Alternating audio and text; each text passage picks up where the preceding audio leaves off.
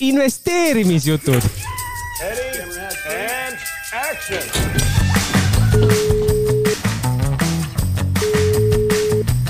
halloo, Pürs kuuleb. tere, head investeerimishuvilised. Te kuulate Eesti kõige praktilisemat investeerimispodcasti. täna on kaheksas jaanuar, me oleme eetris natukene hiljem, kell on juba pool neli. Ja oleme hiljem sellepärast, et meil on ka siin oma majast kuulajad, et tere ka teile kõigile. Ja ma tervitan ka sind, Meelis, et pole sellel aastal sind näinud ei ole tõesti, et äh, tervist, tervist kõik äh, kuulajad, kes on siia kohale tulnud, et oma maja töötajad, väga rõõm on näha. et äh, natuke sihuke teistsugune setup siin aasta alguse puhul, et et aga vaatame, kui, kui see sihuke setup, setup sobib, et siis teeme ka seda järgmine aasta. aga millest me Meelis täna räägime, et plaan oli vist võtta möödunud aasta kokku siis natukene vaadata, kuidas meie siis virtuaalportidel läks, mida meil siis ajaliselt jõudis eelmisest aastast olla neli kuud. ja siis äh, ma arvan, mis inimesi kõige enam võib-olla huvitab, et mis siis sellel aastal võiks saama hakata, et äh, püüame siis prognoose teha selle saate lõpuks ja, ja täpselt, et ja meil natuke saade on nagu sellepärast ka eriline, et äh, meil on sihuke slaidid siin ette valmistatud ja kuulajatel muidugi on natuke keerulisem, kuna nad slaide ei näe, et kõik, kes kohapeal on, nemad näevad, aga me üritame võimalikult hästi kirjeldada, mis seal slaididel siis me näitame. ja võib-olla mõtleme veel hiljem, aga võib-olla kolm kuni viis sellist meie jaoks kõige, kõige väärtuslikumat slaidi võib-olla paneme enda blogisse kuhugi üles, et kus, kus meil need portfellide tootlused ka on. just, aga ma panen siin esimese slaidi peale, et et siin on toodud siis lihtsalt eelmiste, eelmise aasta aktsiaturgude tootlused. Et äh, erinevatel äh, riikidel üle noh, globa-, globaalselt on ju, ja ja võib-olla ma küsin võib-olla sinu pealt, et äh, kas, mis, mis sinul oli võib-olla eelmine aasta sihuke kõige, kõige üllatavad momendid, üllatavad, üllatavamad turud, liikumised? ma võin sulle Meelis saladuskatte all öelda, et iga aasta jaanuari esimesel nädalal äh, ajakirjanikud küsivad üksteise võidu minu käest millegipärast, et mis nagu uuel aastal või siis algaval aastal võiks nagu turgudel saama hakata. ja siis võtsin enda eelmise aasta prognoosid välja, et mida ma siis neile nagu kirjutasin eelmisel, eelmise aasta lõpus siis nagu siis kahe tuhande kahekümne kolmandaks aastaks ja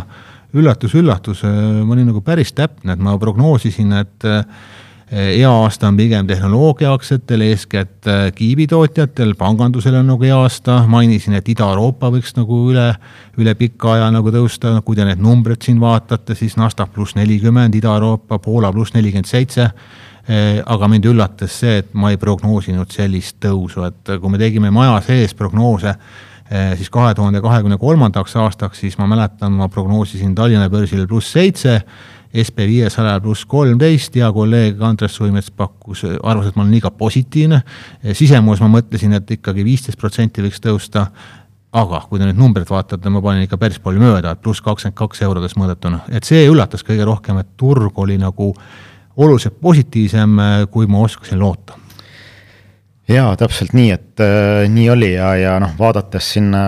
millised nagu Euroopa indeksid äh, Äh, siin välja on toodud, et äh, noh, Itaalia on siin näiteks äh, väga tugeva tootlusega et, et kolmkümmend neli protsenti tootlust, et noh, minu jaoks see oli päris üllatav. Ja noh, loomulikult Poola Poola ja Ungari, noh, mida ma ausalt öeldes üldse ei jälginud, et äh, mina olen, ma olen neid jälginud, Poola tõusu taga on see, noh, koos Ungariga, mis ma mainisin, et aastad nad olid väga odavad, investorite raha sinna väga ei läinud, Poolas olid äh, valimised, nad said uue peaministri, kes on Euroopa-meelsem, see nagu aitas ka kaasa siin aasta lõpus eeskätt, aga noh, muidugi Ungari on üllatus, et äh, Orbanit kõik vihkavad, aktsiat armastavad, aga kui me Itaaliast räägime, siis noh, ütleme ka Hispaania oli ka ju hea, et kui Itaalia oli kolmkümmend neli protsenti plussis, Hispaania kakskümmend seitse protsenti plussis. miks nad äh, nii hästi tegid? ühelt poolt nende majandus ei kukkunud nii palju kui meil siin Põhja-Euroopas, isegi kasvas Hispaania äh, ja neil on päris palju pankasid äh, indeksites sees, et Unicredit, Itaalia üks suuremaid pankasid, tõusis üle saja protsendi. Nad intressimäärade tõusud tegid netointressi marginaalid nii palju paremaks, et see aitas Lõuna-Euroopat päris palju ja, ja, ja noh, siuksed suuremad turud ka kõik, Saksamaa on ju, Prantsusmaa kakskümmend protsenti, SMP ka üle kahekümne protsendi. plussisid äh, väga tugev aasta, aga Tallinna börs, äh, Helsingi börs väga-väga nigela tootlusega, on ju et äh, noh, milleks, eks, sa oled seda ennem rääkinud ka, et on ju, Tallinna börs on siin ütleme, Tallinna turg on või majandus on juba mitmendat kuuendat või seitsmendat kvartalit siin majanduslanguses. no meil on obstruktsioon veel, eh, mida paljudel riikidel ei ole, et et meil ei ole normaalset valitsust ja valitsus ei saa töötada, et börsid ka reageerivad sellele. ja, ja okei okay,, siis äh, ma panen nüüd järgmise slaidi, mis on äh, globaalsemad aktsiaturud sinna Aasia sisse arvut-, arvatud ja emerging market, et äh, siinpool oli üllatusi, mis sind üllatas Ehm, noh, kui me räägime võib-olla arenevatest turgudest, eh, aastaid, ma ei teagi, võib-olla juba üle kümne aasta, on juba niimoodi, kus arenevad turud jäävad arenenud turgudele alla. Eh, ka möödunud aastal, siin on küll mõned erandid, et eeskätt Mehhiko, et eh, pluss kolmkümmend kuus tõusis isegi rohkem kui Ameerika. Mehhikut on varem ka peetud põhimõtteliselt nagu Ameerika nooremaks vennaks, et kui Ameerikal läheb hästi, siis läheb Mehhikul ka hästi, üks suuremaid kaubanduspartnereid Brasiilia üllatas küll, sest noh, ütleme paljudel naftarikastel riikidel tegelikult ei läinud väga hästi, aga Brasiilias olid ka valimised, mis investoritele võib-olla meeldis. Ja Taiwan muidugi tegi väga hästi, kuna neil on üks maailma äh, suuremaid, ongi vist maailma kõige suurem kiivitootja, mis tõusis palju. kes siis nagu negatiivse poole peal loomulikult äh, Türgi on keerulises olukorras, inflatsioon on nagu kõrge, aga Hiina, noh, ma arvan, et äh, möödunud aastal me vist kõige enam, Meelis, sinuga ka sellest rääkisime, et mis need Hiina probleemid on. väliskapital on sealt põgenenud, kinnisvara on sügavas kriisis, sa ütlesid ka need numbrid, et kui palju on ette ehitatud, et väga palju? Jah, jah, et lihtsalt jäi siin artikkel silma, et, et arvatakse, et Hiinas on nagu sihukest elamufondi ehitatud ütleme kümne aasta jagu tegelikult ette ja, ja noh, see, see on just see elamufond, mis on veel pooleli, mis pole valmis ehitatud, et kui see täna nüüd kõik valmis ehitatakse, noh, kümme aastat kinnisvarafondi ette, et, et tundub, et jah, seal see kriis veel niipea ilmselt ei lõppe, et aga noh, alati või muidugi võib üllatusi tulla, seepärast Hiina turg on juba kolmandat aastat languses ja, ja noh. käärid Ameerikaga pole kunagi nii suured olnud. jah, tõesti, et, et, et ma ei üllataks muidugi, kui Hiina sihuke, tuleb ka üks sihuke põrkeaasta, aga, aga noh, mitte. no meil tuleb draakoni aasta, see on ju Hiina kalendri järgi, et äkki siis draakon toob muudatusi. jah, aga, aga ma ei, ma ei usu nagu selle majanduselt, et see tuleb nagu hästi kiire ja veekujuline taastumine, et pigem ta seteldub kuskil seal mingisugusele levelini. no mulle tundub, et Hiina puhul ei olegi vaja suurt pööret, et piisab, kui see toon natukene positiivsemaks läheb, et aktsiaturg oleks pluss kakskümmend. ja, ja, et äh, vaatame, et hoiame kindlasti radaril. aga siit edasi minnes, et äh, et, et läheks natuke tagasi eelmise aasta algusesse või sinna kaks tuhat kakskümmend kaks aasta lõppu, et äh, milline oli äh, sentiment, mis meid äh, tol hetkel nagu valdas, on ju. et siin aktsiaturud olid päris punased, kaks tuhat kakskümmend kaks aasta oli päris punane üldse globaalselt ja SMP tegi seal noh, ligi kahekümne protsendilise languse, on ju. ja tuletaks meelde, mis olid tol hetkel sihukeste analüütikute või finants gurude sihukesed kommentaarid või, või nägemused, on ju. keda tasub siis kuulata? Äh, jah, eks turu peal on päris palju äh, müra, on ju ja, ja noh, sa pead selle kuidagi enda jaoks ära filtreerima, aga, aga noh, väga siuksed ehedad näited on ju, et Economist suur artikkel, et miks kaks tuhat kakskümmend kolm aasta tuleb vältimatu recession või niisugune väga tugev majanduslangus on ju, noh, niisugused pealkirjad või, või Deutsche Bank siin ennustas SMP-le kahekümne viie protsendilist äh, langust. no tuli kakskümmend kuus tõusu dollarites. jah, täiesti vastupidi, on ju, ja, ja niisugune permanentselt äh, noh, karused niisugused investorid, äh, üks nendest Jeremy Grantham, kes, kes hoiatas isegi, et aktsiaturud noh, kukuvad nagu täiesti kaosesse et, et viiskümmend protsenti umbes, kui see everything bubble nii-öelda lõhkeb siin kaks tuhat kakskümmend kolm, on ju. ja, ja mis juhtus panen järgmise slaidi ette, et äh, juhtus see, et äh, läks kõik täpselt vastupidi ja, ja siin on äh, slaidil on ka välja toodud, mis ennustasid ka sellised suuremad finantsasutused, investeerimispangad. no keda kuulatakse ju. jah, keda kuulatakse, et kaks tuhat kakskümmend kolm aasta SMP tootluseks, et noh, valdavalt ennustas siiski sihuke kaks, kolm, neli protsenti tootlust ja noh, mõne, mõned siin, JP Morgan pakkus siin üheksa protsenti, Wells Fargo on ju kaksteist protsenti. aga noh, võta näpust, on ju, turg, turg tegi kaks korda veelgi rohkem, on ju, et kakskümmend kuus protsenti SMP-s on ju, dollarites ja, ja kui vaadata, mis isegi NASDAQ tegi, siis äh, NASDAQ tegi Äh, noh, dollarites on ju sihuke üle viiekümne protsendi aastaga tootlust ja, ja noh, see on nagu parim tulemus äh, alates aastast tuhat üheksasada üheksakümmend üheksa, ehk siis äh, täiesti sinna dotcom mulli aegadesse tagasi. ja, ja noh, loomulikult, eks, eks selline tulemus või selline liikumine oli võib-olla tingitud just sihuke magnis-, Magnificent äh, Seven aktsiatest, mis oli hästi kontsentreeritud äh, seitse aktsiat, mis, mis tegid enamuse sellest indeksi tõusust, on ju, ja, ja see tõi kaasa ka eelmisel aastal NASDAQi rebalansseerimise, noh, mis väga tihti sellist sündmust nagu ei juhtu, aga, aga noh, toona, toona see tehti ära ja, ja no ei jäänud muud üle, muidu oleks nad nii suureks kasvanud. jah, see seitse aktsiat seal NASDAQis oli juba üle viiekümne protsendi osakaal ja, ja seda siis tõmmati natukene küll allapoole, aga noh, mitte, mitte oluliselt aga, aga noh, see, see probleem tegelikult ei ole ainult äh, NASDAQil, et äh, kui me vaatame SMP äh, viitsadat, siis SMP viiesajal on tegelikult samasugune probleem, kus top kümme aktsiat on osakaaluga kolmkümmend viis protsenti indeksist ja, ja kui vaadata nagu ajalooliselt, kui kõrge level see on, siis tegelikult see selline sama aktsiate kontsentratsioon, kus top kümme oli seal kolmkümmend viis protsenti, oligi meil seal kaks tuhat üks aasta, äh, aasta ajal, ühesõnaga, kus, kus oli see dotcom äh, bubble. et jah, mingisuguseid väikseid ohumärke siin on, ma ütleks aga, aga sihuke huvitav graafik, äh, mis ma siin slaidi peale veel panin, et, äh, et kui vaadata nüüd natuke SMP viiesajale veel sisse, siis äh, täna kaks suurimat aktsiat SMP viiesajal on Apple ja Microsoft, mille osakaal täna indeksis on ligi viisteist protsenti. ja sellist nii suurt osakaalu pole SMP-s kunagi olnud. et noh, üldiselt äh, Äh, kui, kui äh, kahe aktsia osakaal teeb nagu sellise suure tipu, siis on juhtunud alati nagu selliste kriiside eel või kriiside sihukese ütleme alguses. no nad peavad olema buuminud väga palju, et nende osakaal on nii suureks läinud. Äh, just, just ja, ja kui vaadata nagu millal sihuke korralik viimane sihuke spike üles oli, oligi siin kaks tuhat seitse aastal, kus äh, kaks suuremat toona olid ExxonMobil ja Walmart, mis moodustasid ainult seitse koma seitse protsenti indeksist. või, või siis hüpata veel nagu üks, äh, üks äh, nii-öelda see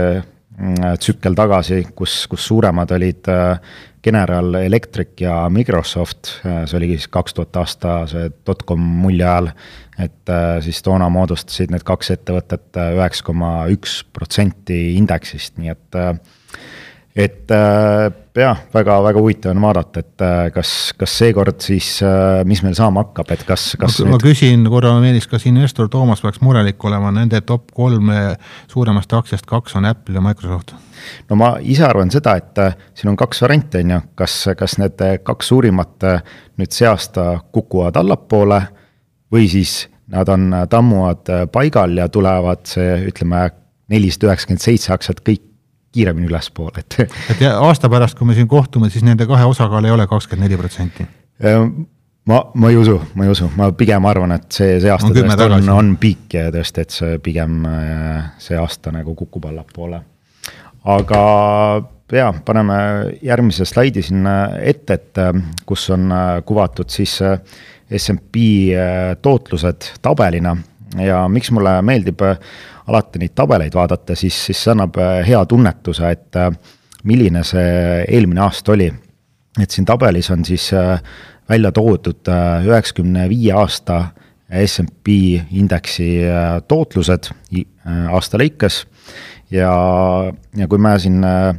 aasta alguses rääkisime, et kui kaks tuhat kakskümmend kaks oli üsna suure miinusega aasta, mis on ajalooliselt üsna er erandlik, siis äh, mäletad, me rääkisime ka, et tõenäoliselt äh, seda, et kaks järjestikulist aastat negatiivset, äh, et tuleks, et äh, noh, ajalooliselt see on väga harv juhus. väga harv, no kuigi meil on olnud aastad, kui on kolm aastat järjest ja kui me läheme sada aastat tagasi, siis oli neli aastat järjest kukkumist, aga eelnevalt oli alati väga suur tõus ja et,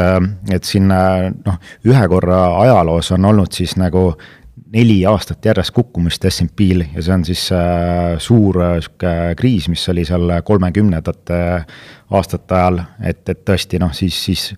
siis investorid kaotasid enamuse enda portfellist, aga, aga siin selle jah, sõja ajal on siin olnud suur langus, on ju, ja siis ongi põhimõtteliselt meil kahe tuhande aasta alguses jah, et, et sisuliselt noh, ütleme nii, et äh, kaks järjestikulist negatiivset aastat äh, noh, sajandi jooksul on juhtunud sisuliselt nagu neli korda, on ju. et, et panustada nagu selle peale, siis äh, ilmselt pole väga pointi. panen siin järgmise slaidi ette, et, et siin slaidil on siis välja toodud samamoodi SMP viiesaja aasta tootlused, aga pan-, pandud tulpadesse et äh, vahemikud siis äh, noh, ütleme miinus neljakümnest kuni viiekümneni äh, nagu negatiivsed kuni sinna nullini välja ja siis kümme kuni või null kuni kümme protsenti, kümme kuni kakskümmend protsenti ja nii edasi tootlused. ja, ja kui te küsite, kas,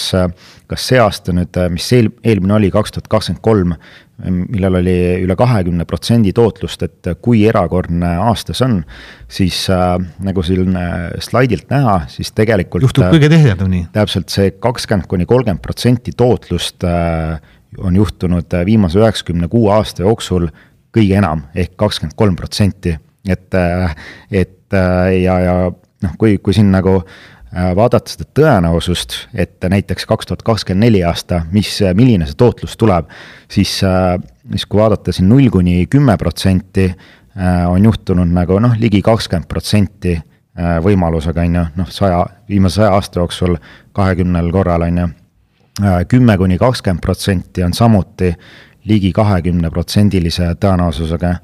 ja, ja kui sa liidad nüüd need kõik kokku, ütleme see null kuni kümme protsenti kümme kuni kakskümmend, kakskümmend kuni kolmkümmend, see on juba sinna äh, kakskümmend, nelikümmend, kuuskümmend protsenti tõenäosus. kolmest aastast kahel on siis selline tootlus, et null kuni kolmkümmend protsenti plussi äh, just, ja, ja kui sa võtad veel isegi selle kolmkümmend kuni nelikümmend protsenti, et siis, siis sul on äh, nagu üle seitsmekümne protsendi võimalus, et see aasta tuleb tootlus null kuni neljakümne protsendi vahel. ja, kui sa võtad nagu arvesse ka selle esimese Äh, negatiivse tootlusega aasta, et null kuni miinus kümme protsenti tootlust, siis seda on juhtunud siin äh, noh, kaheteist koma kuue protsendil aastatest. ühesõnaga pigem, et äh, kui sa tahad mingeid panuseid teha, siis, siis ma panustaks sellele, et miinus kümme kuni pluss nelikümmend protsenti tuleb siis niisuguse kaheksakümneprotsendilise tõenäosusega. no võib meis ka teisipidi nagu mõelda, et no me püüame pärast ka seda selle aasta liikumisi prognoosida, aga kui me peaks seda kümme aastat järjest tegema, siis mõistlikum iga aasta tõusu prognoosida, siis ütleme kaheksal juhul läheb pihta ikka vähemalt. absoluutselt, et, et kõik sihuke äh, karud või sihuke äh, noh, äh, negatiivse hoiakuga investoritel on tegelikult äh, väga väike protsent, millal nad täppi panevad, et äh, noh, ütleme nii, et äh, näiteks siin Michael Burry on ju, kes on siin kogu aeg üritanud langusele panustada, et see, et sa tabad siin kolmkümmend kuni nelikümmend protsenti langust, et seda noh, sisuliselt saja aasta jooksul on seda juhtunud kahel korral, kaks tuhat kaheksa ja tuhat üheksasada kolmkümmend seitse, on ju. või, või siis niisugune väga suur kriis, on ju, kus aktsiaturud kukuvad nelikümmend, viiskümmend protsenti, et seda sisuliselt on juhtunud ainult ühel korral, on ju, et. ühel korral sajast? peaaegu. peaaegu, just, et sul lihtsalt pole nagu mõtet langusele panustada, et et, et see on lihtsalt tõenäosus, et, et jah, ole, ole pigem positiivne ja optimistlik, et et sihuke kindlasti huvitav graafik, mida vaadata. aga ometi meil on olnud aastaid, kus langus on olnud päris nagu suur ja see on tulnud päris kiiresti. ja et see turgude volatiilsus käib kindlasti asja juurde et äh, turud on volatiilsed aktsiaklass kui selline on volatiilne ja ma panin siin järgmise slaidi ette, et siin näitab, et et erinevate aastate jooksul SMP tootlus on see sinine pulk ja, ja palju on nagu maksimaalne korrektsioon sellel aastal olnud, et äh, nagu näha, ka eelmine aasta meil oli korrektsioon kuigi noh, SMP tegi maksimaalse tulemuse, on ju, kakskümmend kuus protsenti aast-, aastas äh, kasvu, aga meil oli siin aasta viimases kvartalis ka miinus kümme protsenti korrektsioon eelmistest tippudest. et äh, see on üsna tavaline, ütleme keskmine korrektsioon äh, ongi seal ütleme kolm kuud ja ütleme kümne kuni viieteist protsendi vahel, millega investor peaks nagu arvestama, kui ta ostab indekseid, näiteks SMP viitesadat, aga on ka nagu aastaid, kus see äh, korrektsioon on läinud sinna noh, kolmekümne protsendi kanti, on ju, kõige värskem selline korrektsioon oli Covidi aastal, kui äh, aasta sees SMP kukkus kolmkümmend neli protsenti ja mis juhtus aasta lõpuks, me olime pluss mingi kaheksateist ja, ja sarnaseid liikumisi on olnud ka eelnevatel aastatel, et noh, võib siin graafikult välja tuua aasta tuhat üheksasada kaheksakümmend seitse, et kes võib-olla finantsturgudega rohkem kursis on, et äh, see on niisugune Black Monday äh, aasta, on ju, et, et kus äh, aktsiaturud kukkusid siin päeva või, või mõne või isegi nädalaga siin kakskümmend pluss protsenti. Ja noh, täiesti markantne, on ju, et aasta lõpuks börsid olid plussis. et tundub, et jällegi sihuke hästi kiire ootamatu langus võib olla ka lifetime buying opportunity, on ju no sa rääkisid, Meelis, siin hästi aktsiates, aga sul on päris huvitavad tabelid siin ka võlakirjade kohta, ma mäletan, kui sa selle tabeliga tulid minu juurde millalgi seal oktoobris äkki esimest korda, näitasid seda, jäi mulle silma, ja sellest sündis ka noh, täna siis meie virtuaalportfelli suure, Peetri portfelli tänane suurim positsioon, aga võib-olla sa ise natuke räägid seda, et kuidas sa nende tabeliteni jõudsid ja, ja kuidas see tabel nüüd muutunud on siis viimase kuuga? jah, et äh, jah, siin slaidil ühesõnaga on võlakirjade ajaloolised tootlused äh, aastatena välja toodud, et äh, et miks see vasakpoolne tabel mulle silma jäi, oligi see, et noh, võlakirjadest me oleme rääkinud, et et sellist võlakirjakriisi, nagu meil siin eelmine aasta ja üle-eelmine aasta oli, kus kus USA kümneaastane võlakiri noh, kaks tuhat kakskümmend kaks aastal kukkus kaheksateist protsenti, noh, ajalooliselt Äh, sellist äh, crash'i ei ole nagu ennem olnud, on ju. ja kui sa nagu tabelis paned äh, numbrid kokku, et kaks tuhat kakskümmend üks kukkus neli protsenti, kakskümmend kaks miinus seitseteist ja kaks tuhat kakskümmend kolm mingil hetkel oli veel lisaks viis protsenti kukkunud. et ajalooliselt sihukest sündmust nagu pole olnud, et see näitas selle võlakirjade kriisi sügavust ja ja, ja see kolm aastat nagu negatiivse tulemus oligi kuskil siin jah, see oktoobri kanti on ju, kus me hakkasime ka ise selliseid kahekümne pluss aastaseid äh, USA riigi võlakirjade ETF-i ostma. et, et kus, kus võlakirjade hinnad olidki kõige sügavamas augus, et äh, üsna hästi ajastatud. ja see parempoolne tabel siis näitab seda, et kus, kus me nagu aasta lõpetasime ja, ja me lõpetasime siis äh, kümne aasta võlakirjadega siis kolm koma viis protsenti plussis. ühesõnaga miinus viie pealt, noh pluss sinna kolme-nelja no,. põhjast siis aasta lõpuks pluss üheksa praktiliselt jah. Äh, jah, et tund-, tundub äh, ka nagu sihuke tabelilt vaadates siis lifetime buying opportunity. ja tegemist on, juhin tähelepanu, kümneaastaste võlakirjadega, meie ostsime kakskümmend aastat ja pikemaid võlakirju, kus see tõus oli võimsam. jah, see, see on veel tundlikum nagu intressi äh, muudatustele ja, ja, ja muudatuste ootustele. aga ütleme, mis me progne-, prognoosime järgmisteks, äh, ütleme nende võlakirjade tootluseks, ega siis noh, ma võin oletada kuhu need liiguvad, aga ma ka ei tea, siis äh, kõik, kõige lihtsam äh, on, on ju vaadata, mis on äh, ajalooliselt toimunud, on ju. et, et, et kuna selliseid sündmusi, ütleme neid Fedi intressimäärasid, määrade tõuse-langused on ennem ka ajalooliselt olnud ja, ja siis ma panin siia graafikule, et kuidas ajalooliselt on liikunud võlakirja hinnad, kui Fed on enda tõstmistsükli lõpetanud, et, et kuudes palju on mööda läinud Fedi viimasest tõstmisest ja, ja mis on teinud võlakirja hinnad. ja nagu näha, et siin siin on äh, kaksteist ja kak-, äh, kakskümmend neli kuud peale seda Fedi viimast tõstmist, siis keskmiselt äh, on ütleme, ühe, peale ühte aastat võlakirjad liikunud sihuke kümme, kaksteist protsenti keskmiselt ülespoole. Need on siis kümneaastased võlakirjad? kümneaastased just ja, ja peale kahtekümmet nelja kuud siis on, on isegi kakskümmend pluss protsenti liikunud nagu võlakirjad ülespoole ja, ja, ja kui sa oled seal sees, ütleme, sa saad nagu kapitali kasvu, on ju, võlakirjadest, et sa saad tegelikult äh, ju yield'i ka, et äh, meil on see kuskil äh, mingi neil-, ligi neljaprotsendilise äh, no natuke vähem, kolm koma kaheksa protsendiga lukus, me ise nimetame selleks seda nagu enda kahetoaliseks korteriks, mida me oleme välja üürinud ja millel on siis hinnatõusu potentsiaal. Äh, just, nii et äh, noh, vaatame, kas, kas ajalugu kordub, et me liigume nagu nii, nagu on ajalooliselt alati liikunud. siin üks, üks aasta ma vaatan graafikul on noh, mega, mega aasta, kus äh, kaheksakümmend kolm ja kaheksakümmend neli aasta, see need kümneaastased liikusid siin kahe aastaga ka seitsekümmend protsenti üles, et ega see ilmselt on anomaalia tõenäoliselt. jaa nii, ma panen, panen järgmise slaidi siin sa ette. rääkisid siin ilusat juttu, et kõik on ilus, et, et kümne, ütleme kaheksal juhul kümnest on tõus ja nii edasi, aga aga ometigi on ju mingid teatud riskid ka, et kui me nüüd sellesse aastasse läheme, et äh, mind võib-olla kõige rohkem ettevaatlikuks teeb see aasta lõpp, et kui ma nüüd vaatan, kui kiiresti need meeleolud muutusid, äh, intressi tõstmistega justkui on nagu kõik lõpp, äh, keskpangad peaks hakkama intressi alandama, elu on lill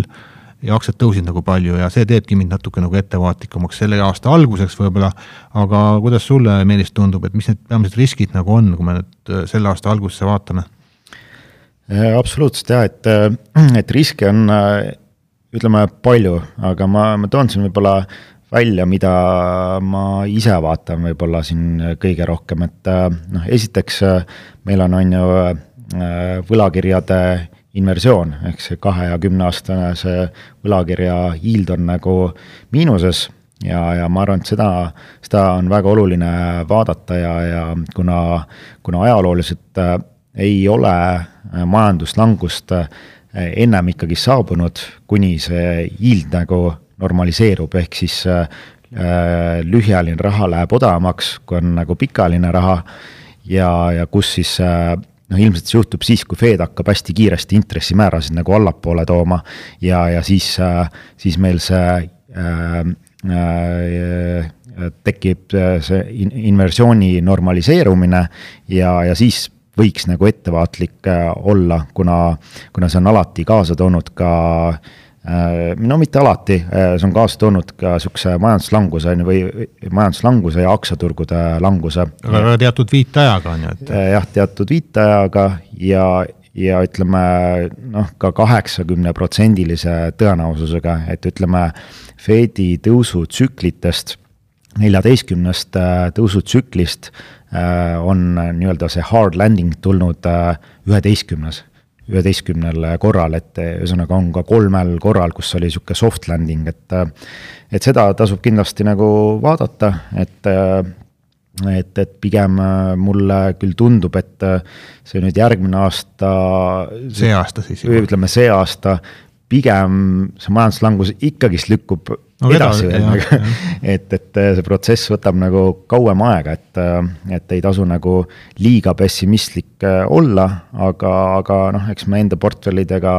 olemegi sihuke natuke kaitsvamad ka, et äh, ei ole liiga palju riske hetkel sisse võtnud. aga ometi ühel hetkel keskpank siis otsustab intressimäärasid nagu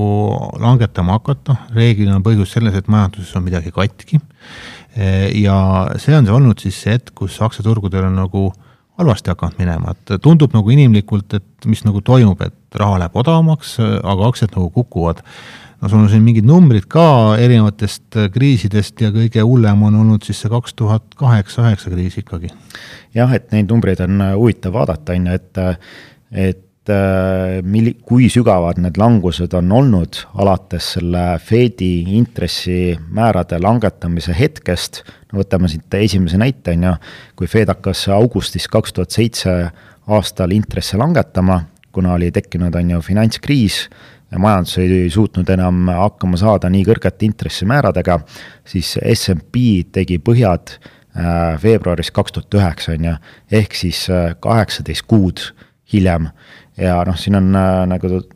osad, kes siin näevad, on ju, et siin on noh, kuus sellist sündmust välja toodud, mille siis keskmine sihuke ütleme, Fedi langetamise algusest kuni SMP põhjadeni on neliteist kuud Äh, kukkumist, on ju, ja mille tulemusel siis äh, SMP on kaotanud keskmiselt kakskümmend kaheksa protsenti enda väärtusest. no kui me nüüd püüame Meelis natuke prognoosida, et kus need esimesi intressilangetusi selleks aastaks nagu prognoositakse, siis pigem on see parimal juhul märts, võib-olla nagu aprill pigem, on ju, ja paneme aprillile nüüd see keskmine neliteist kuud otsa, siis parim aeg aktsiat suurelt osta oleks kaks tuhat kuus alguses või? Jah, jah, see võib täitsa sinna kanti kuskile tulla, et. Äh, kaks tuhat kakskümmend kuus siis jah? kaks tuhat kakskümmend kuus jah, jah, mis on väga-väga tõenäoline. et, äh, et vaatame, et äh, noh, mulle kohati tundub, et turg on nagu hästi optimistlik intresside langetamise osas on ju kaks tuhat kakskümmend neli, et oodatakse siin kuute või isegi seitset langetamist, samas Fed ise nagu näeb umbes kolme langetamist, et äh, noh, mulle tundub, et see käär on nagu üsna suur, et äh, et äh, keegi ilmselt pettub, et vaatame, kuidas need aktsiaturud nagu sellele reageerivad, et kas siis positiivselt või negatiivselt, et et, et aga noh, peamine stsenaarium turgudel mulle tundub, et on hetkel nagu siiski soft landing ja intresside alandamine. jah, meil on endiselt kaks tuhat kakskümmend neli, ma olen sinuga nõus, et pigem tuleb meil selline soft landing ja see suurem langus vist lükkab edasi natuke. ja palju on küsitud äh, meie käest nagu igasugustest äh, mullidest, et äh, kas täna, kas me oleme jõudnud sinna mulli, et sinna... küsimus, et mis mullist käib jutt, on ju? jah, et mi-, millisest mullist käib jutt ja, ja tegelikult on nii, et see järgmine slaid, mis ma siia panin, et on välja toodud erinevad mullid erineval ajal. et siis Äh, tõesti, kohati eelmine aasta meil oli Magnificent Seven on ju, et äh, mille keskmine äh, seitsme aktsia tootlus ühe aastaga on ju, oli seal sada kaheksa protsenti. et jääb, jääb sihuke mulje küll, et me oleme jõudnud nagu väga kõrgele platoole, on ju, et, et kas see ongi see mull, mis, mis nüüd äkki see aasta on ju lõhkeb siis noh, vaadates neid, neid mulle, mis siin slaidil on, et tegelikult me iga aasta peaaegu, me, meil on mingisugune mull, Äh, mis elab, äh, mingid on lõhkenud, on ju, et, äh, et näiteks eelmine aasta, mis oli põhisündmused, olid, on ju, tehisintellekt, chat GPT ja, ja siin on ka välja toodud, et see ongi ai mull, on ju, kui kõrgele see läheb, seda näitab aeg, eks me oleme täna nagu noh, üsna kõrgel levelitel, et õhku on seal mingil määral sees küll või, või minna paar aastat tagasi, kus, kus oli, on ju, sihuke rohetehnoloogia mull. kaks tuhat kakskümmend üks oli see. just, kaks tuhat kakskümmend üks, siis enne seda oli jällegi Bitcoini mull ja noh, neid mulle on nagu konstantselt kogu aeg, et, et teatud kindlatest sektoritest, noh, näiteks gaasimull on ju, kaks tuhat kakskümmend kaks oli ehtne gaasimull, kus, kus, kus gaasi hind käis siin noh, kümme, kakskümmend, ei, mis tõusis ikka kordades ja,, jah? kordades, et äh, jah, et äh, nende mullidega nagu peab, peab elama ja ja, ja neid kuidagi kas ära kasutama või siis mitte nendes, äh, nendega kaasa sõita või alla sõita, et äh, et aga, aga mis, mida võib-olla noh, vaadata, et kas me oleme nagu sellistes suurtes indek-, indeksites mullis täna, siis äh, ma ei ütleks, et äh, vaadates siin järgmist tabelit, et et kus on äh, toodud äh, välja SMP-s siis äh, aktsiate liikumine, et, et ühesõnaga protsent aktsiate liikumisi enne mulli. ühesõnaga, et kui, kui siin kaks tuhat üheksa aastal kuskil ligi kümme protsenti SMP-s olevatest aktsiates, aktsiatest tegi üle saja protsendi tootlust, siis, siis täna noh, või eelmine aasta see ainult kaks protsenti aktsiaid tegi üle saja protsendi tootlust SMP-s. et noh, see, see ei näita nagu, et me oleme väga, väga nii-öelda elevated levelil nagu erinevate aktsiatega. ja, ja kui siin vaadata ka järgmist äh, slaidi, kus, kus on välja toodud äh, SMP äh, pullituru nagu graafikud, et, et, et äh, mitmeid aastaid äh, on see pulliturg nagu ülespoole liikunud, siis, siis täna tegelikult me oleme väga madalatel tasemetel, kus me nagu eelmisest karuturust oleme kakskümmend kaheksa protsenti umbes seal põhjadest üleval. no üks põhjus, Meelis, ilmselt on ka selles, et me palju räägime sellest maagilisest seitsmest ja tehnoloogiast, mis palju tõusis, aga kui me need seitse nagu kõrvale jätame, siis ega see laiapõhjaline USA turg ei tõusnud ju väga midagi. just, et see nelisada üheksakümmend seitse aktsiat äh, lõpetas nagu kergelt, äh, kergelt plussis kokkuvõttes aga, aga tõesti siin, äh, siin nagu ruumi on küll ja küll ja need üldjuhul sellised pulliturud nagu noh, ajalooliselt siin vaadates tõesti siin keskmine on ikkagist noh, sinna saja protsendi kanti, et noh, ühesõnaga mitmeid, mitmeid aastaid nagu,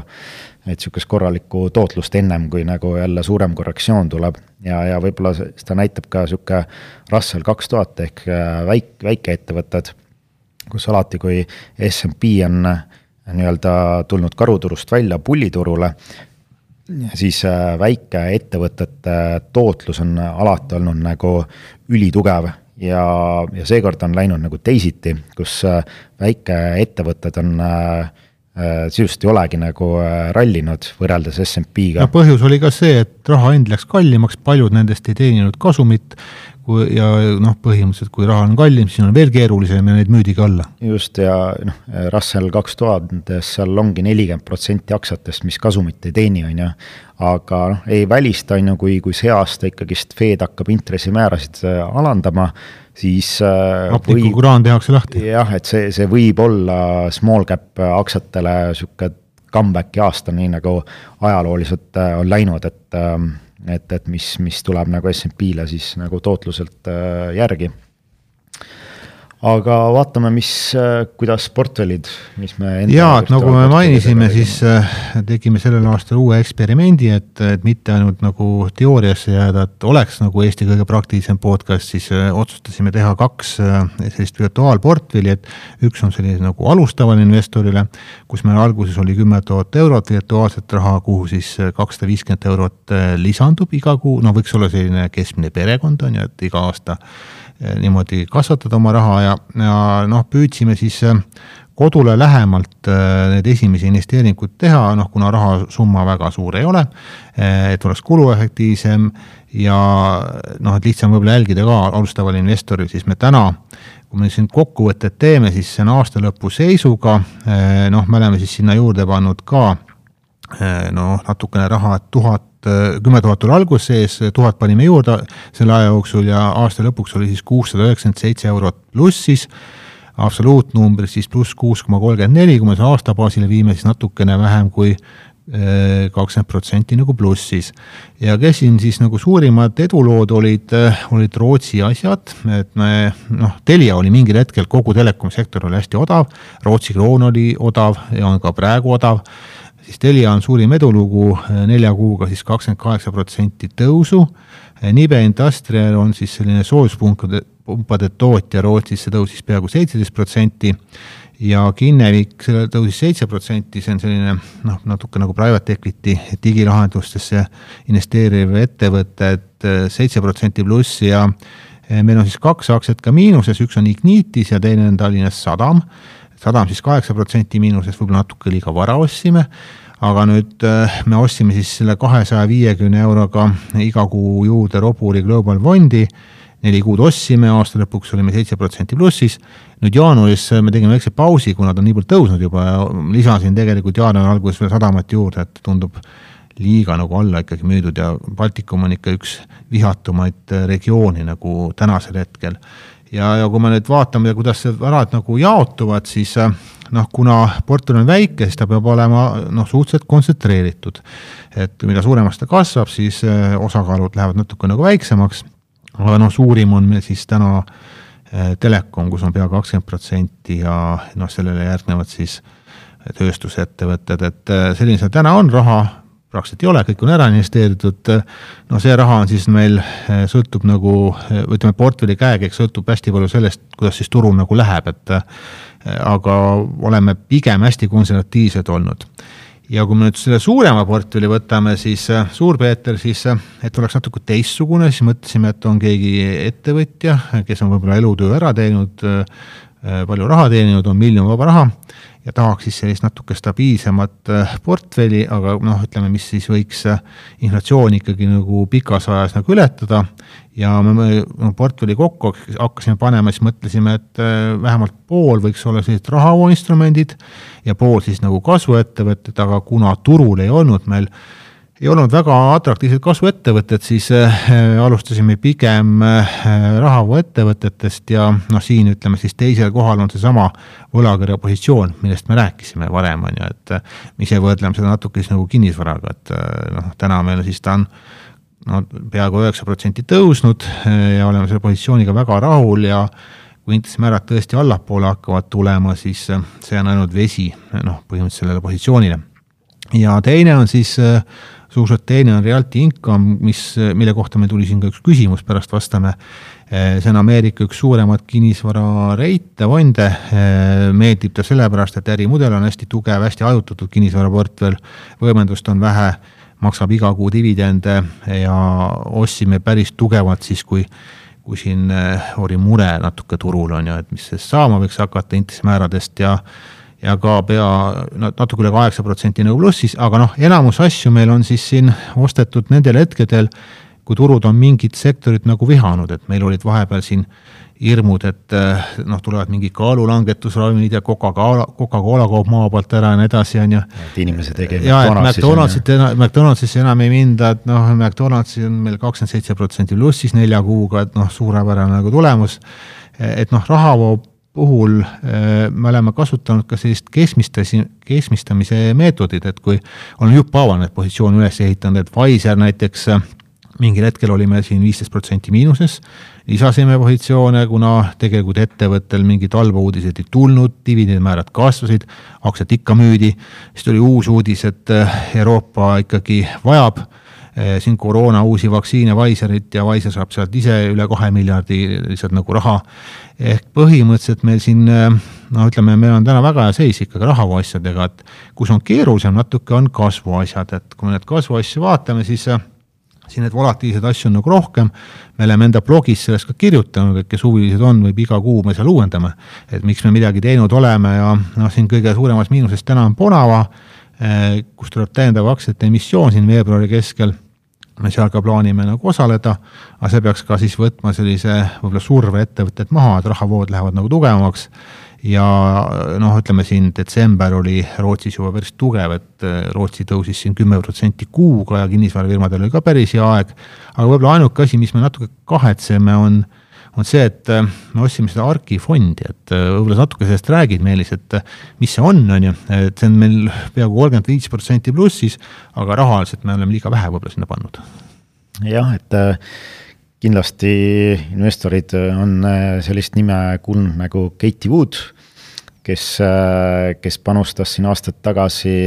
ütleme, Tesla aktsia tõusule ja, ja ta uskus, ütleme, elektriautode tulekut. ja alguses turg ei uskunud, paljud investorid panustasid Tesla vastu ja Katie Woodil oli siiski õigus ja see ARK fond, mäletan mitmeid kordi ta tõusus, igastahes mingi mm. neli-viis korda ilmselt seal kuskil põhjadest ja, ja mis noh, kulmineerus muidugi sellise roheaktsiate buumiga, on ju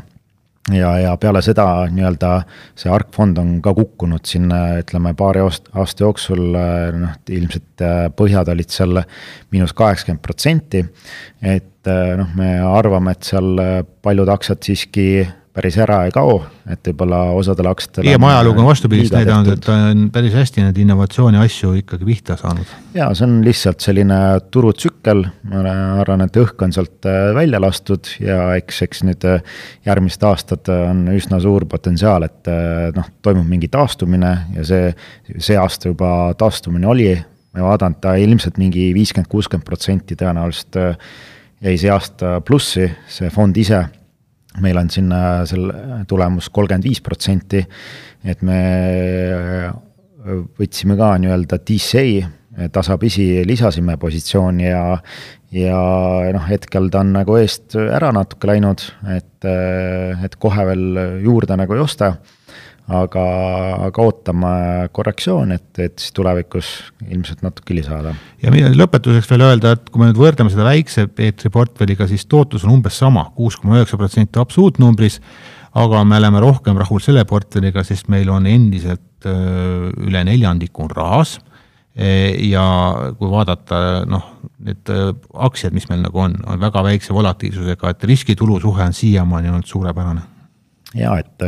me ei ole jõudnud nagu väga riski hakata sisse võtmagi, et et, et jah, me oleme saanud sellise tootluse just võlakirjade ja dividendiaktsiatega suures osas, on ju. aga vaatame natuke, mis sellised äh, suuremad finantsasutused äh, prognoosivad äh, selleks, selleks aastaks. et SMP tootluseks, siis mul on valdavalt jäänud nagu sihuke arusaam, et noh, oodatakse natuke tugevamat aastat kui eelmisel aastal, pangad prognoosisid, et, et siin Deutsche Bank siin prognoosib kuskil kaheksa poole protsendilist tootlust, äh, BMO ja RBC ja no ühesõnaga kõik pakuvad SMP leveliks sinna noh, viis tuhat, viis tuhat ükssada kanti, mis on no, jah, kaheksa pool kuni kümme protsenti seal nagu tootlust. et, et, et vaatame siis järgmise, ütleme selle aasta lõpus ja järgmise aasta alguses, et kui, kui mööda nagu pakuti. ära hirmuta, kui pluss kaheksa pool, siis läheb vastupidi äkki noh. aga. aga ma arvan, nüüd on see hetk, kus äh, püüame siis ise ka nagu midagi prognoosida, et me mõtlesime nagu kümme asja, mida me võiks nagu prognoosida selleks aastaks, mis inimesi võib-olla rohkem huvitab, mingid asjad panime võib-olla keerulisemad ka siia ja ja noh, põhimõtteliselt äh, ei saa ise siin nüüd kirja panna, aga Mari-Liis võib, keegi võib kirja panna, mis me siis Meelisega nagu prognoosime, et järgmine aasta kuuleme. kuulame, et siis mis siis nagu tuli, on ju, aga aga esimene küsimus on siis Meelis sulle, et mida sa prognoosid eurodes mõõdetuna, et SB viissada, mis see tulemus siis on aasta lõpuks? sa oled siin selle väga keeruliseks teinud, et eurodes ka veel sisse, et no, et see on ikka. nagu kaks muutujat, et aga nagu ma sellest tabelis seal äh, näitasin, et äh, millised on kõige suuremad tõenäosused, et äh, SMP tootlustel on ju, et, et, et ja, ja arvestades seda, et meil on nagu ütleme, pullituru teine aasta, mis on nagu natukene nõrgem, kui oli pullituru esimene aasta ja, ja hetkel noh, ma arvan, et noh, turg hetkel prognoosib ikkagi sihukest soft landing stsenaariumi äh, äh, ja, ja, ja noh, pigem ma arvangi, et see keskmine tootlus võiks sinna kaheteist, kolmeteist protsendi kanti jääda, kuna eh, just eh, see aasta on ka USA-s nagu presidendivalimised, et, et siis eh, see aasta on nagu olnud alati ülipositiivne, ühtegi nagu negatiivset aastat ei ole SMP-l olnud, et et sellepärast ma, ma julgen pakkuda, et tuleb positiivne aasta ja kõik see majanduslanguse need äh, prognoosid, need ikkagist lükkuvad siin edasi, kuna USA valitsusel on, on ju, äh, laenukraanid äh, noh, lahti, gaas on põhjas, et valitsuskulutused on põhjas, et keegi ei taha. presidendivalimised on jah. jah, et presidendivalimiste aastal keegi ei taha nagu pidurit hakata panema kulutustel, et, et ma arvan, et see hoitakse gaas põhjas ja, ja see nagu annab niisuguse positiivse tulemuse ka SMP-le sa ei suuda meid üllatada, minu prognoos oleks ka pluss kaksteist, et äh, kui ma eelmine aasta pakkusin pluss kolmteist, siis ma, ma julgen arvata, et me ei näe veel kokkukukkumist, et pigem ma olen mures võib-olla rohkem kahe tuhande kahekümne viienda aasta pärast, aga noh, siis pro, uued prognoosid aasta lõpus, et äh, siin me oleme, ma arvan, sarnasel arvamusel, et jääme selline ja. statistika vastu ei julge minna. viisteist sinna kanti ja. kuskil mingi. aga Tallinna börs võib-olla keerulisem isegi pakkuda. on tõesti, et, äh, et ma arvan, et kui SMP viissada Äh, tuleb positiivse tootlusega, siis see tõmbab ikkagi see aasta Tallinna börsiga natuke kaasa, et ma, ma pakun, et sihuke kuus-seitse protsenti plussi. no minu enda panga üks kolleeg küsis ja ma talle ütlesin seitse koma seitse protsenti plussi, et noh, saame vaadata nüüd, et eh, miks ma nii arvan, on see, et Tallinna börs on olnud vihatud siin aastaid juba, mitu aastat nõrk olnud eh,. Kui me vaatame neid suuremaid ettevõtteid, Enefit Green, LHV, nad on väga nõrgad olnud viimasel ajal, väga palju nagu vaja, vaja, et ületada, et ülespoole minna eh, noh, ma loodan, et me saame majanduslangusest ka ikkagi sel aastal juba välja, et aga väga suurt tõusu ma ei usu ikkagi, et eh, noh seitse-kaheksa plussi, ma arvan ka. Äh, võib-olla Meelis, sul on natuke koduväljaku eelised, ma ei tea, kas sina tead, aga küsimus number kolm on, et mitu uut IPO-t tuleb Tallinna börsil sel aastal? et tead, mul ei, ei, ei ole koduväljaku eelist, et noh, ma, ma pakun täiesti suvaliselt äkki kolm. no ma pakun siis kaks, et äh, ma arvan, et paar tükki me näeme äh, ja võiks natuke elav, elavdamist, uut elu nagu siia tulla, et aga neljas küsimus on kindlasti keerulisem. noh, väga raske nagu pakkuda, et kui sa peaksid valima kolm aktsiaturgu, kuhu sa saad raha sellel aastal Euroopas panna, et millised need oleksid? Tead, ma ei, ilmselt ei läheks väga eksootiliste turgude peale nagu Poola ja Ungari, et ma, ma võtaksin ikkagist ütleme Saksa, TAKS, äkki Prantsusmaa, Itaalia, ütleme jah ei oska hästi pakkuda. siin meie arvamused lähevad nüüd lahku, et eh, mina arvan, et selle aasta võitjad tulevad Põhjamaadest. Et üks võiks olla Soome, kes on selline vihatud olnud, siis teine ma natuke võib-olla mõtleks, võiks näiteks ka Taani olla. kui me mõtleme, mis need sektorid olid, kes eelmine aasta hästi nõrgad olid, ravimid, roheenergia, mõlemad Taanis nagu tugevalt esindatud ja kolmas, aga mul on raske, et äh, ma ütleks, et üks kahest, kas Rootsi või Inglismaa, et äh, et noh, sõltub, kas Rootsi krooni tugevnemine jätkub, Inglismaa on lihtsalt odavam, et aga noh, saame näha. no järgmine küsimus, ma arvan, huvitab mitte ainult investoreid, aga neid, kellel on kodulaenud, et kus meil siis kuue kõue Euribor aasta pärast on? ma arvan, et äh, ilmselt madalamal natuke kui täna, et äh, ma pigem arvaks sinna pigem kolme protsendi kanti, et, et ma ei, ma ei usu, et ütleme, et noh, turg kindlasti prognoosib rohkem, aga, aga ma arvan, et ma arvan, et see Fedi higher for longer, et ikkagi see jääb nagu püsima, et, et ei tulda nagu nii palju alla, kui turg nagu ootab, et ütleme siin noh, Euribor pigem kolme kanti pakkudes kolm, no hommikul vaatasin, turu ootused on tõesti nagu rohkem, on seal kahe poole kandis. aga ma jääks siis võib-olla sinna vahele, et no ütleme kaks seitsekümmend viis, et oleks ka juba hea, et tuleks protsente natuke rohkem nagu allapoole, et küsimus number kuus, et äh,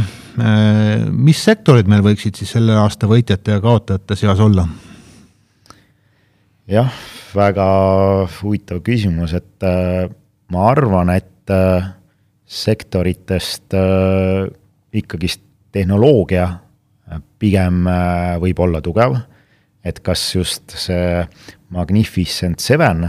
kõige tugevam, aga, aga pigem kogu see üldindeks, et võib-olla niisugused väiksemad aktsiad äh, teevad mingisuguse comeback'i, et ütleme, tehnoloogia, siis noh, tõenäoliselt see kogu see ai sektor ja, ja ma arvan, et äh, cyber security on niisugune äh, huvitav sektor, mis, mis võib siin üllatada see aasta ja noh, tehnoloogiaga on väga raske prognoosida, sõltub, kas tuleb nagu äh,, milline maandumine tuleb majanduses, kui tuleb pehme maandumine, siis see toetab sinu teesi,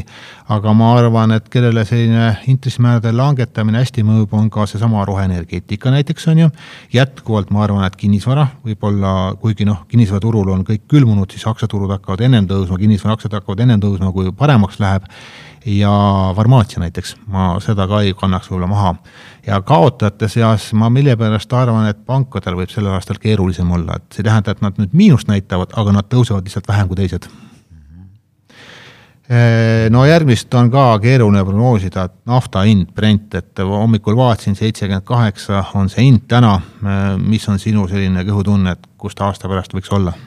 ma ütleks kuuskümmend viis, ma arvan, et see pigem majanduskasv tuleb pigem nõrgapoolne, mis, mis äh, mõjutab ka nagu nafta tarbimist, on ju, aga noh, teiselt poolt muidugi kõik see OPEC äh, töötab selle vastu, on ju, äh, kärpides nagu tootmist, aga aga ma, ma arvan, et noh, lisaks Vene, Vene naftale see nii-öelda embargo või see kuuekümne dollariline äh, limiit on ju, et noh, ma arvan, et see kõik liigub sinna kuuekümne poole, et noh, ma panen kuuskümmend viis, ma pakuks. no see oleks hea inflatsioonile, kui see nii läheks, et äh, suunaga ma olen nõus, ma arvan, et ta on ka madalam, aga võib-olla siis pakuks seitsekümmend äkki, et äh, keeruline muutuja on Hiina, et mis nende nõudlus hakkab nagu tegema, aga aga ma arvan küll, et majandused pigem nagu on surve all üle maailma, tarbijate rahakott on kannatada saanud, et Hiina on käpuli. Hiina on käpuli, et aga Saksamaal ka olukord kõige parem ei ole, et, et nõudlus võiks nagu hinda allapoole tulla. aga küsimus number kaheksa, sama küsimus, et kas kuld, palju siis kuld aasta pärast maksab? kui täna ta, ma vaatasin, natuke üle kahe tuhande on ta, et mis ta siis võiks olla, et? no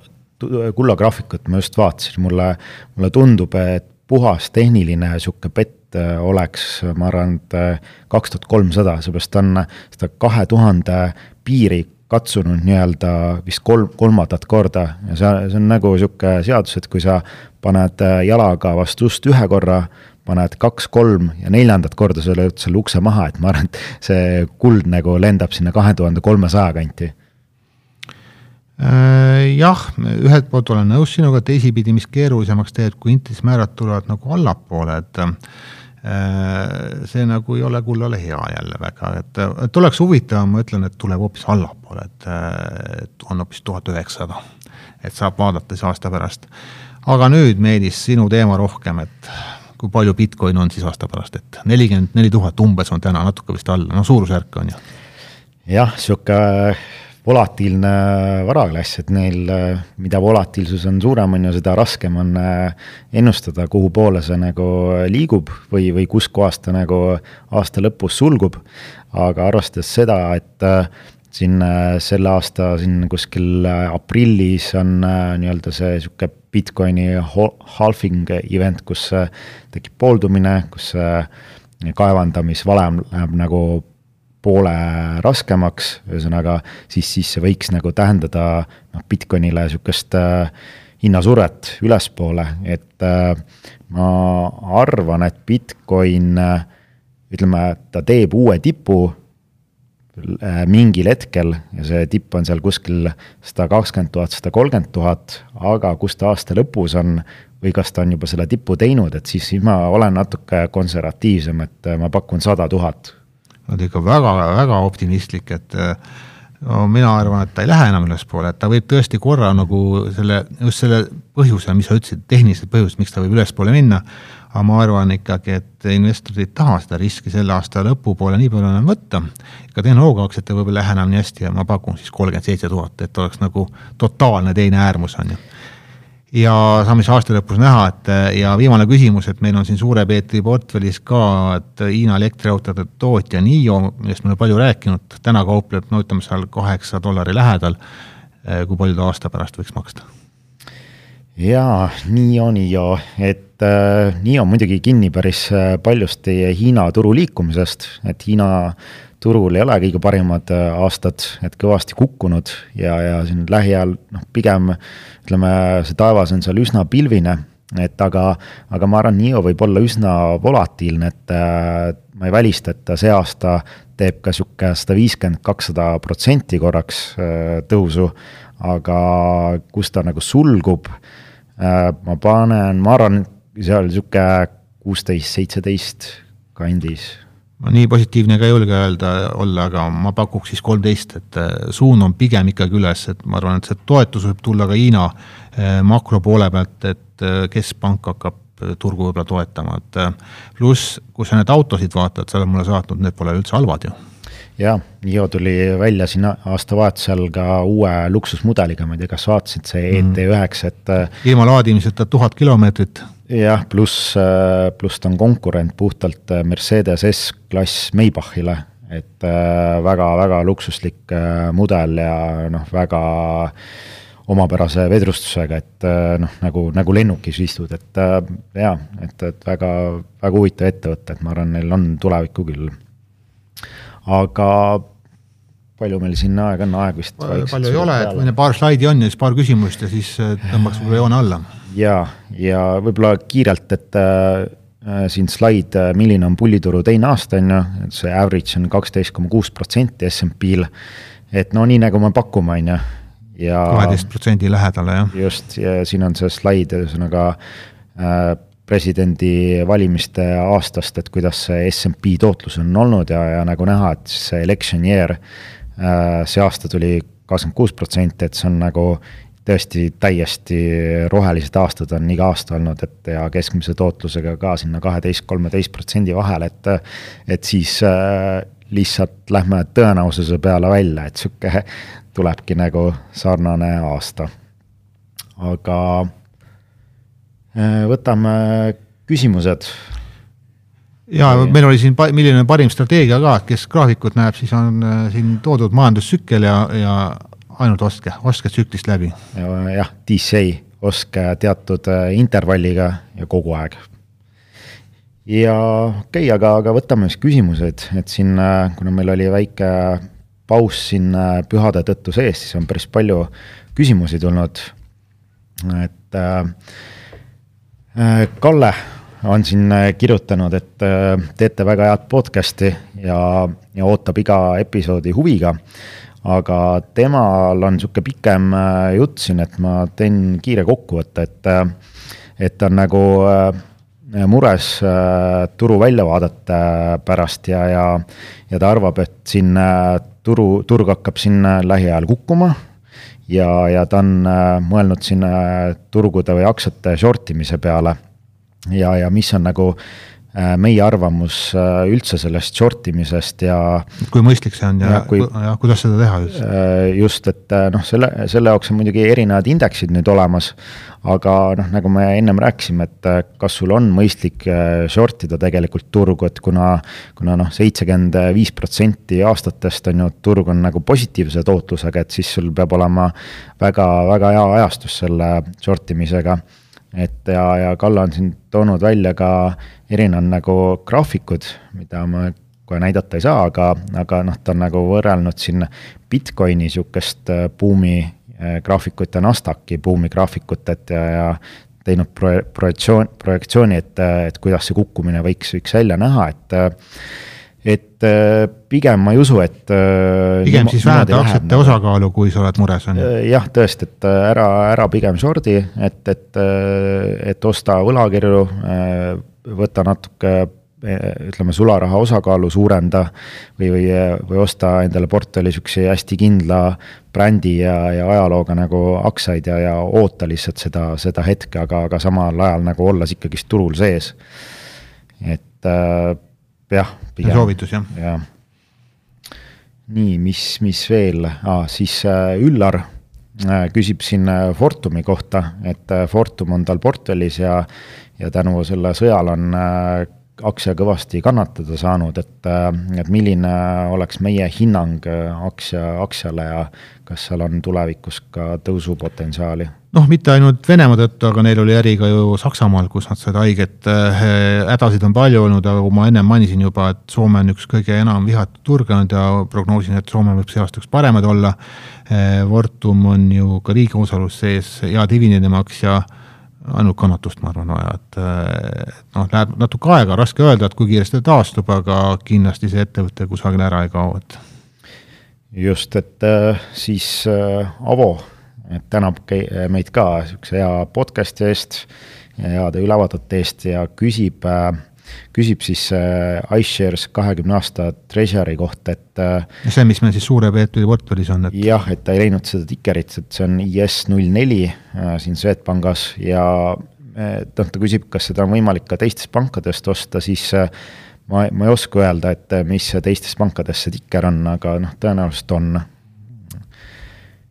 Siis äh,, siis üks küsimus veel äh, Alekseilt. et äh, ta küsib äh, reality income'i kohta, et äh, mis on ka suure Peetri portfellis ja, ja ettevõttel on jah, soliidne dividendipoliitika ja tal oli enne ka juba seda aktsiat portfellis sees, aga ta on mures just hästi kõrge B-suhte pärast. ta oli mures ka RSI pärast vist, et tehniliselt üle ostetud. ei ole vaja muretseda, et äh, kui on pikainvestor, siis RSI ei olegi nii oluline, et noh, et kui sa iga kuu ost, juurde ostad, äh, siis võib jah, kui sa tahad nagu madalamalt osta, siis võib-olla jälgid seda RSI-d, aga mis puutub seda hinna ja kasumi suhet, siis äh, äh, kinnisvarafirmasid vaadatakse natuke teistmoodi kui traditsioonilisi ettevõtteid ja ja kuna ütleme, kinnisvaraettevõtetel on siis selline amortisatsioon ja kulum on nagu suuremad, see toob nagu jooksva kasumi nagu allapoole, et nende puhul ei vaadata mitte hinna ja kasumi suhet, vaid hinna ja FFO suhet. Ja FFO on siis äh, põhimõtteliselt põhitegevuse rahavoog, et mitme aasta põhitegevuse rahavooga sa tagasi teenid oma investeeringut ja, ja see on, ütleme täna Realty Income'il kaheteist, kolmeteist vahel, mis on sektori üks odavamaid ja noh, ütleme noh, oluline teada, kuidas erinevaid asju nagu võrrelda, et, et kinnisvarareitidel, nendel on vaja seda suhtarvu vaadata, pluss need on ka see maksusoodustused, need maksavad iga aasta siis kasumist üheksakümmend protsenti dividendina nagu välja, et, et see on nagu kinnisvara puhul oluline, pluss võlakoormus on ju. ja, ja seda noh, RSI-st äh, me siin äh, mõned äh,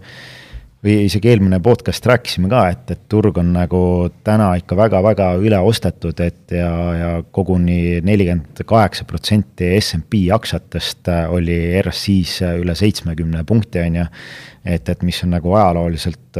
noh, see, seda ei ole viimase mingi kolmekümne aasta jooksul nagu juhtunudki, et et jah, tehniliselt väga paljud aktsiad on nagu üle ostetud, et ilmselt korrektsioon on üsna tõenäoline, et tuleme siit allapoole, aga aga, aga see ei, see ei tähenda, et me siit pikaajaliselt nagu ülespoole ei liiguks just, ja juhin tähelepanu, et võtsid ühe ettevõtte veel üle, kus nende nii-öelda ärimahud oluliselt kasvavad ja rahavood ka loodetavasti, et aga jah, ma arvan, loodan, et see vastus on piisav. ja, ja üks küsimus veel tuli täna hommikul Marguselt, et väike sihuke ennustus, et mis sa arvad, ta küsib, et kas äh, kaks tuhat kakskümmend neli aasta lõpuks äh, Magnificent Seven aktsia hinnad on kõrgemal äh, või mitte? no mina ütlen ei, et on madalamal. no ma pakuks, et ütleme kui vaadata nagu kõiki neid aktsiaid, et siis seal äh, indeksis nii-öelda on mõned äh, on võitjad, mõned kaotajad, aga kergelt plussis. et ütleme, underperform ib äh, turgu pigem mm. -hmm. Ja, ja siis tal on ka selline küsimus, et müüsin aasta lõpus portfelli, kas peaks kogu raha uuesti turule viima või jätaks kolmkümmend protsenti varuks? no esimene küsimus, miks sa müüsid ja kus see meeleolu muutus on ju, et kas need turud tulid natuke allapoole, aga äh, oma strateegiale peab nagu kindlaks jääma ja pigem tasub mingi osa pidevalt nagu turul ikkagi hoida, ma arvan. ja et äh, noh, minu jaoks oli ka ikkagist eelmine aasta see üllatus, kus SMP siin äh, oktoobris või novembris, kus ta tõusma hakkas, on ju, et korrektsiooni pealt äh, noh, järsku on ju kümme, kaksteist protsenti on ju siin üheksa nädalat järjest nagu ülespoole liikumist, et noh, sihukesi liikumisi on väga-väga raske nagu ette ennustada, kui sa oled seal turgudel väljas, et siis sul on nagu psühholoogiliselt väga raske nagu nagu peale hüpata, kui noh, rong on jaamast lahkunud ja sa nagu seal FOMO-d äh, sisse nagu kõrgetelt tasemetelt, et noh, pigem ma arvan, et sul on mõistlik täna nüüd käte peal istuda, Äh, kannata ja, ja, ja oota ära, oota ära, millal äh, turg teeb enda esimese korrektsiooni, on ju. SMP-l vähemalt äh, viis kuni kümme protsenti langust. no et, siis kaks tuhat kakskümmend kuus jaanuarini pead ootama et noh, et ärme unusta, et ka eelmine aasta oli kümme protsenti korrektsioon, et, et see ongi sihuke umbes average korrektsiooni suurus on ju, et, et äh, tasub, tasub seda oodata. aga ma arvan, et Meelis, äh, nüüd peame vist otsad kokku tõmbama, et on juba üle tunni läinud päris palju, et järgmine nädal siis meie tavapärane formaat ja ootame jätkuvalt küsimusi ja soovime häid investeerimisideid siis. jah, et pange raha teenima ja, ja, ja kuulame järgmine kord. Kuulmiseni hallo. juhu, kuule siia lõppu tahtsin veel sulle öelda, et eh, finantsteenust pakub Swedbank AS tutvutingimustega ja pea nõu. esitatud teave on informatiivne, tegemist ei ole investeerimissoovitusega ega kutsega osta või müüa väärtpabereid või teha muid tehinguid. teave emitentide tegevuse kohta tugineb nende finantsaruannetel ja muudel avalikel allikatel. Cool, aga mis see evidentide on mm,? ei teagi niimoodi kohe praegu öelda. ma ei tea. no see, pane ära nüüd pane ära toru. väga hea. Go. Go.